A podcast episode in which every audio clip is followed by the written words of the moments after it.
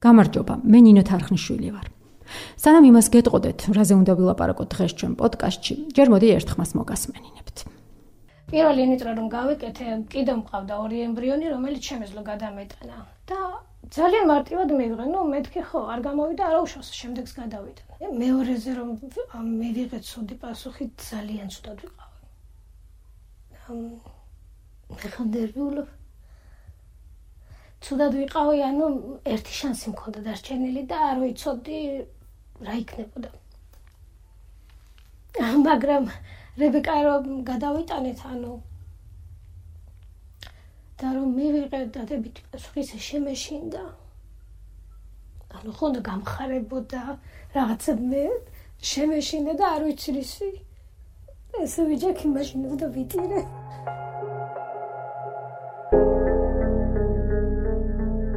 ეს არის 60 დეციბელი.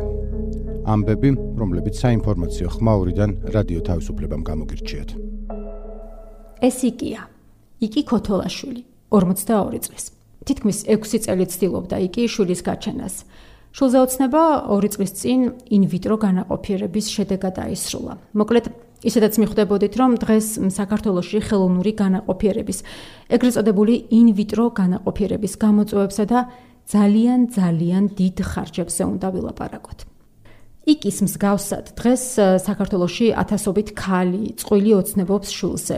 ბოლო ორი წელია ერთ-ერთ დახურულ ჯგუფს ვადევნებ თვალს, ჯგუფს, სადაც 10000-მდე ქალია გაწევრიანებული და სადაც ყოველდღიურად უამრავი პოსტი იდება. ქალები როგორც წესი რჩევებს ითხოვენ ხოლმე ერთმანეთს გამოცდილებას, იმედგაცრუებას თუ სიხარულს ერთნაირად უზიარებენ და ხშირად შეგხვდება ამ ჯგუფში სასოწარკვეთამდე მისული ქალების პოსტებიც, რომლებსაც ეს უკვე მე რამდენად გაუცრუვდათ იმედი და ხელოვნური განაყოფიერების მორიგი მცდელობა უშედეგოდ დასრულდა.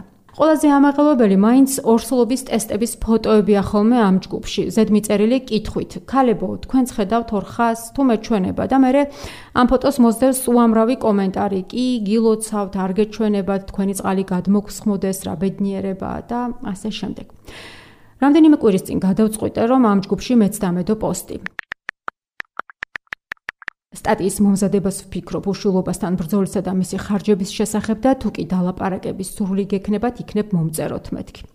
აი მართლა არ მახსოვს თემა, რომელზეც აქამდე მიმუშავია და რომელსაც ასეთი ინტერესი გამოეწიოს. გზავნილები რამდენიმე დღის განმავლობაში არ წყდებოდა. ათობით ქალი, ზოგი ორი წინადადებით, ზოგიც უფრო ცლად მიზიარებდა საკუთარ გამოცდილებას, ემოციებს, შიშს, მოლოდინს, იმედს.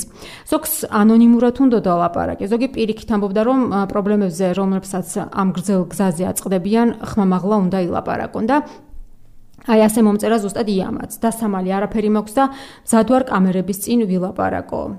იალომსაძე 42 წლისაა, 6 წელია უნაყოფობას ებრძვის. ბოლო 3 წელში ინვიტრო განაყოფიერების 6 უშედეგო მცდელობა ჰქონდა. ინტერვიუ მალევე დავთქვით, ია ჩვენთან ქმართან ერთად მოვიდა. ძალიან ღელავდა, ფორიაქობდა, პირველად ვარ ამ სიტუაციაში, ანუ პირველად უნდა ველაპარაკო ჟურნალისტს და მინდა რომ თან დაალაგებულად მოყვეთ ჩვენი ამბავი, თან ყველა სათქმელიც თქვაო. მოკლედ კარგახანს ვილაპარაკეთ მათ შორის ინვიტრო განაყოფიერების პროცესის ღირებულებაზე, რომელიც ქალებს 10000ობით ლარი უჯდება. იმაზეც, რომ რეპროდუქციულ ჯანმრთელობასთან დაკავშირებულ პრობლემებს საქართველოში სადაზღვევო კომპანიები არანაზღაურებენ და ამ უდიდეს ხარჯთან წვილები ფაქტობრივად მარტონი საკუთარი შემოსავლის და ბანკში აღებული კრედიტის იმედად რჩებიან. აჯობებს რომ იას თავად მოусმინოთ. არ დაგვიტოვებია არც ერთი ჩვეულებრივი გინეკოლოგი, ექიმი, ექიმბაშიც კი ну, რა ვიცი, დაძრები მოლოცვა და მოკლედ როგორც ხდება ხოლმე საერთოდ აი არ ვიცი თუ რამე იყო სადმე ყველგან მივდიოდით. შემდეგ უკვე 3 წელი რო გავიდა და 39 წლის გავხდი, გადავწყვიტეთ რომ მიგვე მიგვემართა ინვიტრო პროცედურისთვის. მოკლედ ამას მოყვება უკვე იმ პირველ 3 წლიან ციკლს, მეორე 3 წლიანი გაცილებით უფრო რთული და დაძაბული ციკლი.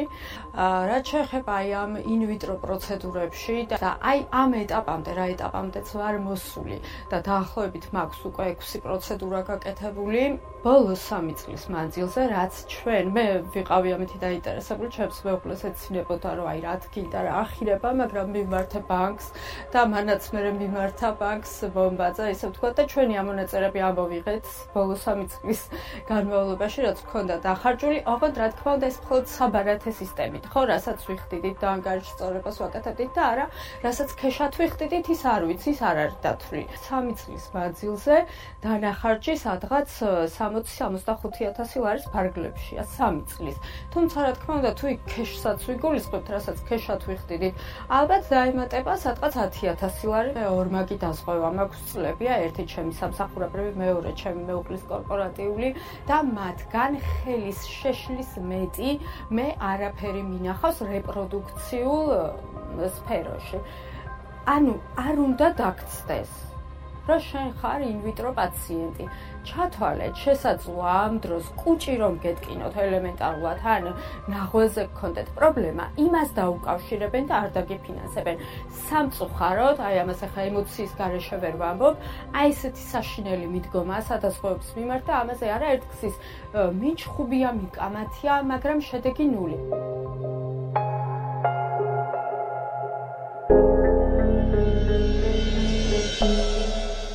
მოდი ახლა ორი სიტყვით ვთქვათ, რა არის ინვიტრო განაყოფიერება. ეს არის უშულობის მკურნალობის დამხმარე მეთოდი, რომლის დროსაც ქალისა და მამაკაცის სასქესო უჯრედების შერწყმა ორგანიზმს გარეთ ხდება, ხოლო მიღებული ემბრიონი ქალის საშულოსნოში ინერგება. საქართველოში ინვიტრო განაყოფიერების ერთი სრული პროცესი კვლევებიდან დაწყებული მომზადებითა და ემბრიონის გადატანით დამთავრებული 12000-დან 18000 ლარამდე ჯდება. ინვიტრო განაყოფიერების პროცესს განსაკუთრებით აძვირებს იმ ინექციების ღირებულებაც, რომელიც მომზადების პროცესში კეთდება. თითო ინექცია 500-დან 1500 ლარამდე ღირს და 7-დან 10 დღის განმავლობაში ეს ინექცია ყოველდღიურად უნდა გაიგეთოს ქალმა. აი, უფრო უკეთ რომ აღვიქვათ, რაში რამდენი ეხარჯება უნაყოფობასთან მებრძოლ წყვილს, შემიძლია აი რამდენიმე პროცედურის ღირებულებებიც გითხრათ. აი მაგალითად, წყვილის კვლევები 1500-დან 2000 ლარამდე ჯდება, საკვერცხების სტიმულაცია, მათ შორის მედიკამენტები, ვიტამინები 4000 ლარი. პუნქცია 2500-დან 3500 ლარამდე, კულტივაცია, ემბრიონის გაყინვა 1500 ლარი, ემბრიონის გადატანა 2000-დან 2500 ლარამდე და ინვიტრო განაყოფიერების პროცესს აძვირებს კვლევებიც, მათ შორის ემბრიონის გენეტიკური კვლევა. და იმ შემთხვევაში თუ კი წყვილს დონორი ესაჭიროება ხარჯი კიდევ უფრო ძვირდება და ის შეიძლება არ ვიცი საერთო ჯამში მთელი ეს პროცესი ავიდეს მაგალითად 100000 ლარამდეც კი პოდკასტის დასაწყისში იკის ხმა მოგასმენინეთ. თუ კი დროს გამონახავთ, მე გულწრფელად გირჩევდით რადიო თავისუფლების საიტზე ან ჩვენს Facebook გვერდზე მოგეძებნათ ჩემი სტატია ინვიტრო განაყოფიერების შესახებ, სადაც იკისა და მისი რებეკას ვიდეოსაც ნახავთ. სხვანაირად ვერაფრით მიგახვედრებთ, როგორი ლამაზია რებეკა. იკისთან და რებეკასთან გორში ჩავედით ჩვენ და მუქ ვარდისფერ კაბაში გამოწყობილი დიდთვალება რებეკა კარში გამოგვეგება და ნახვისთანავე დაგვიმეგობრდა და ისეთი გულუხვიც აღმოჩნდა რომ საკუთარი სათამაშოებიც დაგვითმო და ესე დიალოგიც კარგად აგვეწყო. 1 2 3 4 5 მე ჩემო პატარა. დედიკო საკოცდე. როგორ მკოცნი ხომია ჩვენი. დედიკა შენ როგორი გოგო ხარ? სუპერ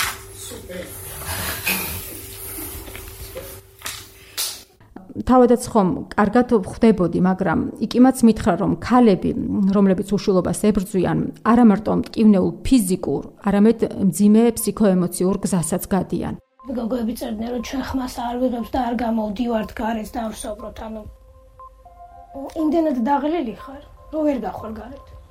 და რაღაც პარლამენტის წინ ვერ დადგები და ვერ დაიწყებ კვირს აი დაგვეფინანსეთ აი არ შეგიძლი ხომ ეს ზოგადად არ ვარ ისეთი ადამიანი ძალიან მებრძოლი ვიყავი. ჩემი მეგობარი გუშინ მეჩხუბებოდა კიდევაც რომ საერთოდ სხვა ადამიანი გავხდი. აი ძალიან სხვა დაირო შურისთვის 5 წლიანი ბრძოლის პროცესში იგი შფოთვით აშლობამდე მივიდა პანიკური შეტევები დაიწყო ინვიტრო განაყოფიერების პირველ ცდაზე ექიმს ისიც კი უთხრა ვეღარ შევძლებ გაგრძელებასო და იგი მითხრა რომ ის დღემდე სვამს წამლებს პირველად რომ დავიწყე ინვიტროსთვის მზადება ასპირაცია ქვია, ანუ ჯერ უნდა სტიმულაციას იკეთებ. მედიკამენტის დალევა რომ დავიწყე, მესამე დღეს შევწყვეტე და ვერეკა რეპროდუქტოლოგს და უთხრე რომ ეს უბრალოდ არ შემეძლო. იმიტომ აი მანამდე იმდენად რთული გზა გაქვს გავლილი ის რამდენიმე წელი. რომ რაღაცა დიმეცაც კარგავ. ჯერ კიდევ ვიღებ მედიკამენტს, რომელიც მეხმარება რომ ვიყოს იმ შვიდეში თავისუფლად.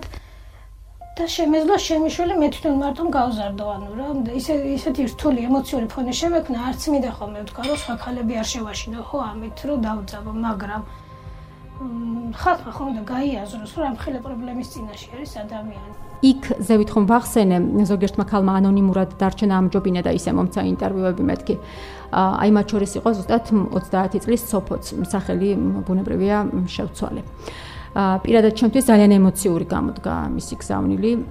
საერთოდ თავიდან შევთანხმდით, რომ ის ჩვენთან მოვიდოდა და პირისპირ დავილაპარაკებდით, მაგრამ ინტერვიუს წინა ღამეს გვიან მომწერა.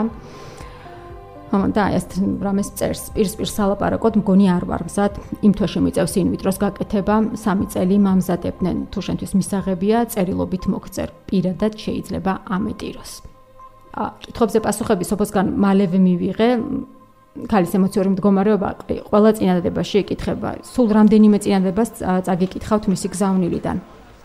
შესაძლოა ექიმის რიგში იდგე. ეკოსკოპიის კაბინეტიდან კი მუცლად მყოფი ბავშვის გულის ფეთქვის ხმა გაიგო. ამ დროს ცრემლები გდის და საკუთარ თავს ეკითხები. გაიგებ კი ოდესმე შენი შულის გულის ფეთქვის ხმას. ყოველთვის გეპარება თვალი ორსულისკენ, ახალშობილისკენ. ათვალიერებ ბავშვების პაწია წინდებს, საწოვარებს, სამოს, მაგრამ ყიდვას ვერ ბედავ. გეშინია რომ მას შენ ვერ გამოიყენებ. შენ დიაგნოზს ფონად სულის შეგრძნება გასდევს, რომ რაღაცაში საკმარისი არ აღმოჩნდი. აი ეს მომწერა 30 წლის ქალმა, რომელმაც ანონიმურად დარჩენა ამჯობინა.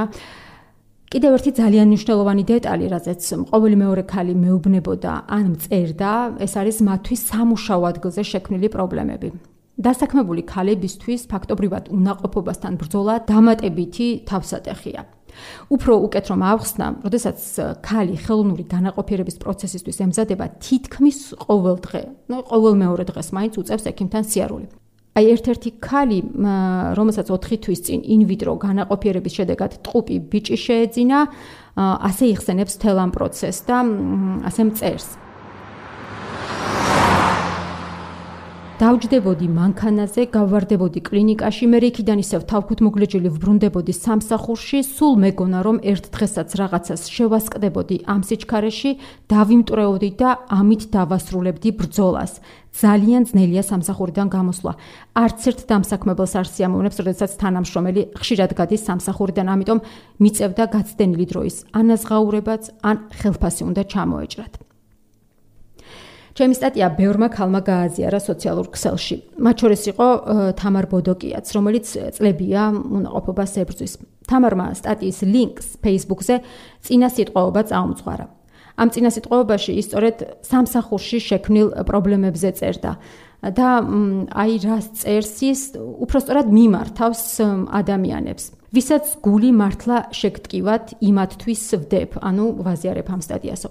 და კიდევ იმათთვის ჰორმონებით გაჭყებილი წარუმატებლობით გამწარებული ფინანსურად წელგაწყვეტილი დეპრესიული და ცრემლიანი თანამშრომლები ნერვებს რომ უშლიან. რომ კითხო ხელს უწყობენ კოლეგას და გაღიზიანებული სხვა თანამშრომლებს თავს აცოდებენ. მომკლა ამისმა პრობლემებმა სულ ტირის, სულ ექიმებში დარბის, საქმეში ვერ დაეღრნობიო.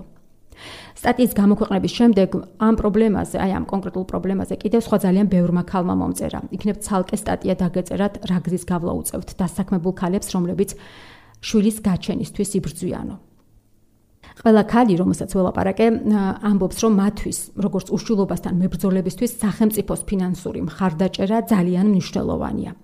მოდი ახლა ვთქვათ, რას ფიქრობს ამ ყველაფერზე სახელმწიფო? რას და მაგალითად, გასული წლის ბოლოს 2024 წლის ბიუჯეტის პროექტის განხილვისას ჯანდაცვის კომიტეტის ხელმძღვანელმა ზაზა ლუმინაძემ თქვა, რომ ინვიტრო განაყოფიერების პროცესი, როგორც დემოგრაფიული პოლიტიკის ნაწილი, სახელმწიფომ უნდა დააფინანსოს. მისი ამ განცხადების გამო ჯანდაცვის სამინისტროს სასაუბროდ რესპონდენტის შერჩევა ვთხოვე. ბევრ საკითხთან ერთად ყველაზე მეტად იმის დაზუსტება მინდოდა ხომარ გეგმავს სახელმწიფო და თუ კი როდის რეპროდუქციული ჯანმრთელობის მათ შორის დამხმარე რეპროდუქციული საშუალებების დაფინანსებას, ანუ ინვიტრო განაყოფიერების თელიან პროცესის დაფინანსებას. რამდენიმე დღის თავზე, როდესაც არავინ გამომეხმაურა, ჯანდაცვის სამინისტროს ისევ მიუმართე უახლოს პერიოდში არაფერი იგეგმება და შესაბამისად სათქმელიც არაფერიაო ზეპირად განმიმარტეს პრეს სამსახურში. არადა ნინო მუსერიძე ის ქართულ გერმანული რეპროდუქციული ცენტრის დირექტორია რამდენიმე დღით ადრე სანამ ჯანდაცვის სამინისტროსთან მექნებოდა კომუნიკაცია, მითხრა რომ ჯანდაცვის სამინისტროს წარმომადგენლები დარგის სპეციალისტებთან ამ საკითხებზე კონსულტაციას გადიან. და ეს თირამე მითხრა ინტერვიუში, ითვლება რომ 2025 წლიდან ეს პროგრამა უნდა დაიწყოს, როდესაც მონახაზი გაკეთდა საუბარი იყო კვლევების დაფინანსებაზე, შესაძლოა საუბარი იყოს სრულ დაფინანსებაზეცო. ინვიტრო განაყოფიერების თემაზე მუშაობისას საინტერესო იყო ჩემთვის იმის გარკვევაც, როგორი პოლიტიკა აქვს ხელოვნური განაყოფიერების დაფინანსების კუთხით სხვა ქვეყნებს. და აი მაგალითად, საფრანგეთში რეპროდუქციული ჯანმრთელობის მკურნალობას და მათ შორის ინვიტრო განაყოფიერებას სრულად აფინანსებს სახელმწიფო. იქ სრულად ფინანსდება ინვიტრო განაყოფიერების 4 მცდელობა 43 წლის ასაკის ჩათვლით ქალებისთვის. ბელგიაში კიდევ უფრო ლიბერალური სისტემაა და იქ 50 წლამდე შეიძლება ხელოვნური განაყოფიერების პროგრამით სახელმწიფო პროგრამას უგულისხმობს სარგებლობა. ეს მიმართულება კარგადაა განვითარებული ესპანეთში, იტალიაში, ნიდერლანდებში. და ბოლოს გეტყვით. ჯანმრთელობის მსოფლიო ორგანიზაციის მონაცემებით, ყოველ მე-6 ადამიანს რეპროდუქციული ჯანმრთელობის პრობლემა აქვს. პრობლემის მასშტაბის გათვალისწინებით ჯანმრთელობის მსოფლიო ორგანიზაცია აცხადებს, რომ აუცილებელია გაიზარდოს უნაყოფობის კურნალობის სერვისებზე ხელმისაწვდომობა, მათ შორის დამხმარე რეპროდუქციული საშუალებების პროცედურებზე. თქვენ მოისმინეთ 60 დეციბელი. პოდკასტი, რომელსაც უძღვებიან ნასტასია არაბული, ნინო თარხნიშვილი და ეკა ქევანიშვილი. თუ მოგეწონათ, გააზიარეთ სოციალურ ქსელში და დაგვიწერეთ შეფასება იქ, სადაც უსმენთ პოდკასტებს. ასევე ნახეთ სხვა პოდკასტები რადიო თავისუფლების ვებგვერდზე.